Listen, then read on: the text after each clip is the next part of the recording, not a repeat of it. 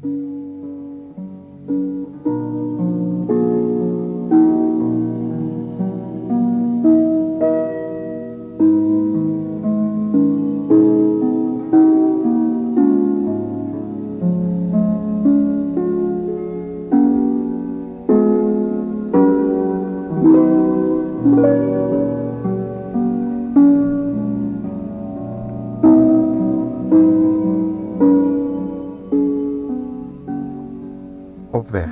Een nieuw programma van de stichting Adelam in Curaçao met als thema Levenswater voor dorstigen.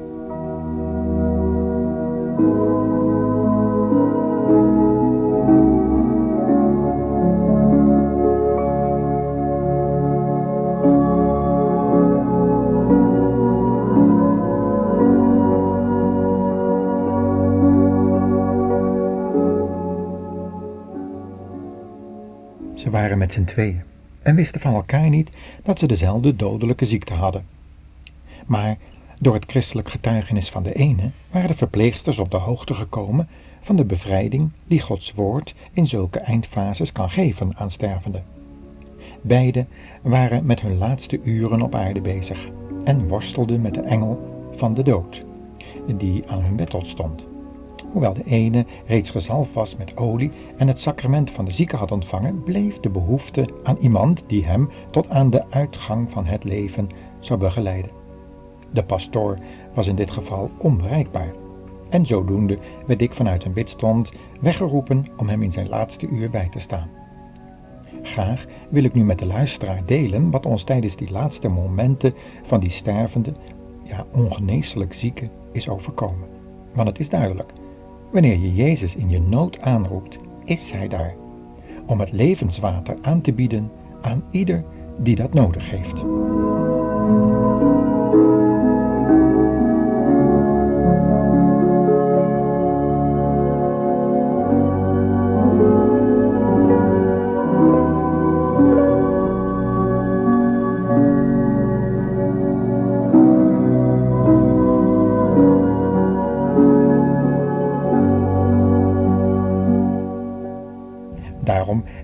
Programma ook genoemd Levenswater voor dorstigen. Laten we bij het begin beginnen en onder de leiding van Gods Heilige Geest Gods woord openslaan, wat op die momenten in gedachten kwam. Een paar dagen voor dit nachtelijk bezoek werd ik bezig gehouden met de geschiedenis van twee gehate belastingontvangers, mannen zoals Levi, die ook wel Matthäus genoemd werd, en de kleine Zacchaeus, eveneens een belastingontvanger die Jezus echter wel eens van dichtbij wilde zien, maar daarvoor in een boom moest klimmen. Laten we beginnen bij de geschiedenis van Levi, die beschreven is door Matthäus zelf in zijn evangelie, hoofdstuk 9, vanaf vers 9. We lezen het voor uit de eenvoudige Nederlandse vertaling, zoals dat vastgelegd is in het boek volgens het Living Bible principe. Jezus had zojuist een verlamde genezen. En deze was bezig God te verheerlijken, terwijl de omstanders zich nog verbaasden om de grote kracht die er van Jezus woorden was uitgegaan. Vooral omdat niet alleen de genezing was gekomen, maar dat ook de zonden van de man waren vergeven. In vers 8 en verder lezen we dan: Er ging een huivering van ontzag door de omstanders, die dit vlak voor hun ogen zagen gebeuren. Ze prezen God dat hij deze macht aan een mens had gegeven. Jezus liep ondertussen verder. Onderweg kwam hij langs een tolhuis en zag daar een man zitten. Het was de Matthäus. Kom, zei Jezus tegen hem, ga met mij mee. Matthäus stond op en ging met hem mee. Later gingen Jezus en discipelen bij Matthäus thuis eten. Er waren ook verscheidene tolontvangers te gast en andere mannen met een slechte naam. De fariseërs zagen dat. Waarom gaat uw meester met dat soort mensen om? vroegen zij aan de discipelen. Omdat gezonde mensen geen dokter nodig hebben, maar zieken wel, antwoordde Jezus. Ga weg, houd voortaan rekening met wat de profeet Hosea heeft gezegd. God wil uw offers en geschenken niet. Waar het hem om gaat, is dat u met de andere mensen meeleeft.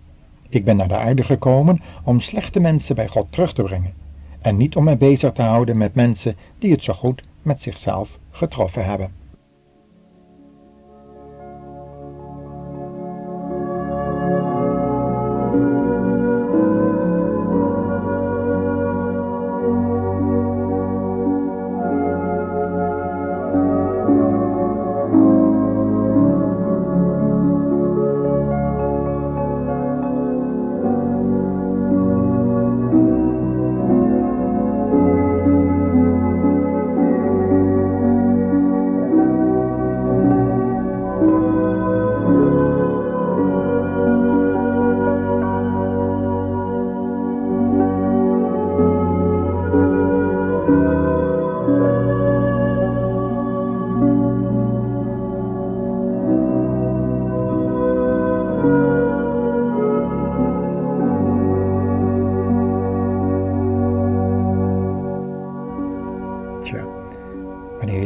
Leest aan het sterfbed van iemand die aan zijn laatste uur bezig is en die hulp heeft gevraagd om dat uurtje niet alleen door te hoeven brengen, dan zit er in dat verhaal een rijke troost.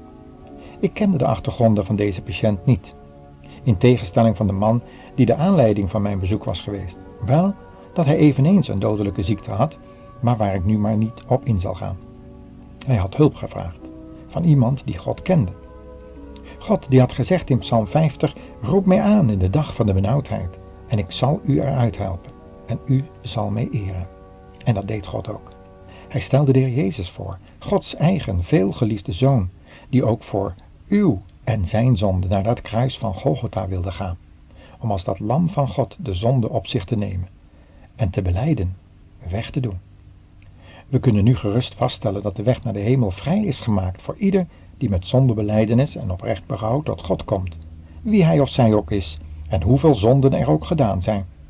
Wat een genadige God hebben wij, maar ook wat een rechtvaardige God, die de zonde wel moest straffen, maar zijn eigen zoon deze straf oplegde. Voor u, voor mij.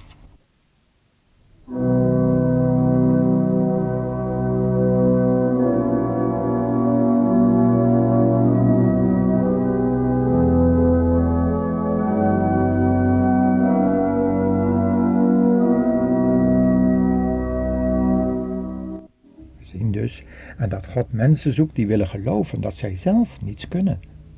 Hun zaligheid kunnen ze niet bewerken.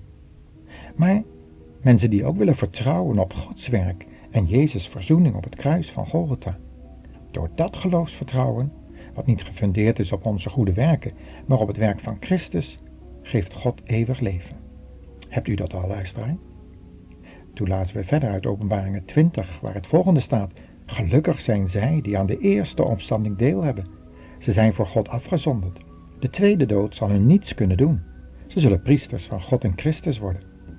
En openbaringen 21, vers 1 tot 6, waar we die nieuwe hemel en de nieuwe aarde zagen. De tegenwoordige hemel en tegenwoordige aarde waren er niet meer. En ook de zee was verdwenen. Ik zag de heilige stad, het nieuwe Jeruzalem, van God uit de hemel naar beneden komen. Ze zag er feestelijk uit, als een bruid die op haar bruidegom wacht. En ik hoorde een luide stem uit de troon zeggen, Gods huis staat nu bij de mensen. Hij zal bij hun wonen, ze zullen zijn volk zijn, en hij zal alle tranen van hun ogen afwissen. En er zal geen dood meer zijn, geen verdriet en rouw en pijn. Dat hoorde allemaal bij de oude wereld, en die is nu voorgoed voorbij. En hij die op de troon zat, zei, ik maak alles nieuw. En hij zei tegen mij, schrijf het allemaal op, want ik zeg, dat is waar en betrouwbaar. Het is gebeurd, ik ben de alfa en de omega, het begin en het einde. En wie dorst heeft, zal ik water geven uit de bron van het leven. Voor niets, wie overwint, krijgt het van mij. Ik zal zijn God zijn en hij mijn zoon.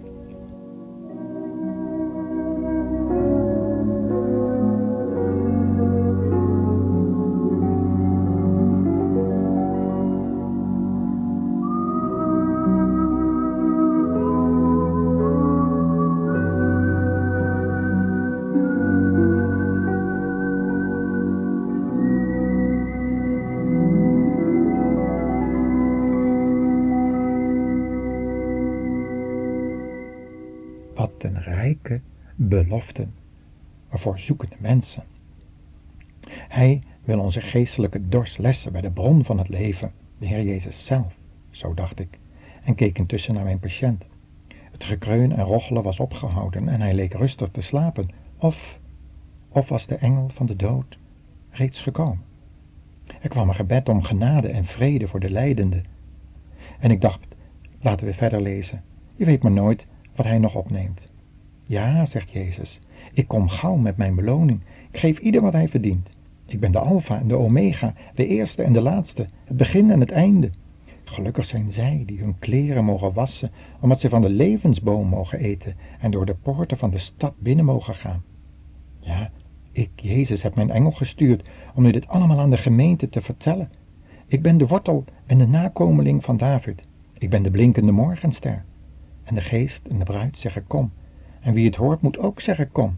Wie dorst heeft mag voor niets het levenswater komen drinken als hij dat wil. En dan eindigt dat indrukwekkende boek over de eindtijd als volgt. Hij die dit alles bekendgemaakt heeft zegt, ik kom spoedig. Amen. Kom, Heer Jezus. En ik wens u allen de genade van onze Heer Jezus toe. En met deze woorden eindigde ook het leven van de stervende. En had ik het voorrecht hem tot aan de uitgang van het leven met deze woorden te begeleiden. Meer kon hem mocht ik niet doen. Maar alle die de Heer Jezus en zijn genade kennen en hebben ervaren, mogen hetzelfde doen. Iemand die nood heeft, mag tot de Heer Jezus komen. Die wil helpen, want God de wereld heeft de wereld zo lief gehad dat hij zijn enig geboren zoon gegeven heeft, opdat een ieder die gelooft niet verloren gaat, maar eeuwig leven hebben. Is deze man nu behouden in de hemel aangekomen? De Bijbel zegt dat wij mensen daarover niet te oordelen of te beslissen hebben. Dat komt alleen God toe. Maar als mensen ingaan op Gods uitnodiging tot de Heer Jezus, om daar te komen en zijn offer, liefde en genade aan te nemen, met zonde en belijdenis en berouw, dan zal God zijn belofte van vergeving en eeuwig leven zeker geven. God kan niet liegen. Paulus zegt daar in 1 Korinthe 4 en 5 over, de enige die mij kan beoordelen is de Heer. Sta dus niet met uw oordeel klaar. Laat dat maar rusten tot de Heer komt. Hij zal alles wat zich in de duisternis afspeelt aan het licht brengen. En hij zal laten zien wat er in de harten omgaat. En dan zal hij ieder de eer geven die hem toekomt.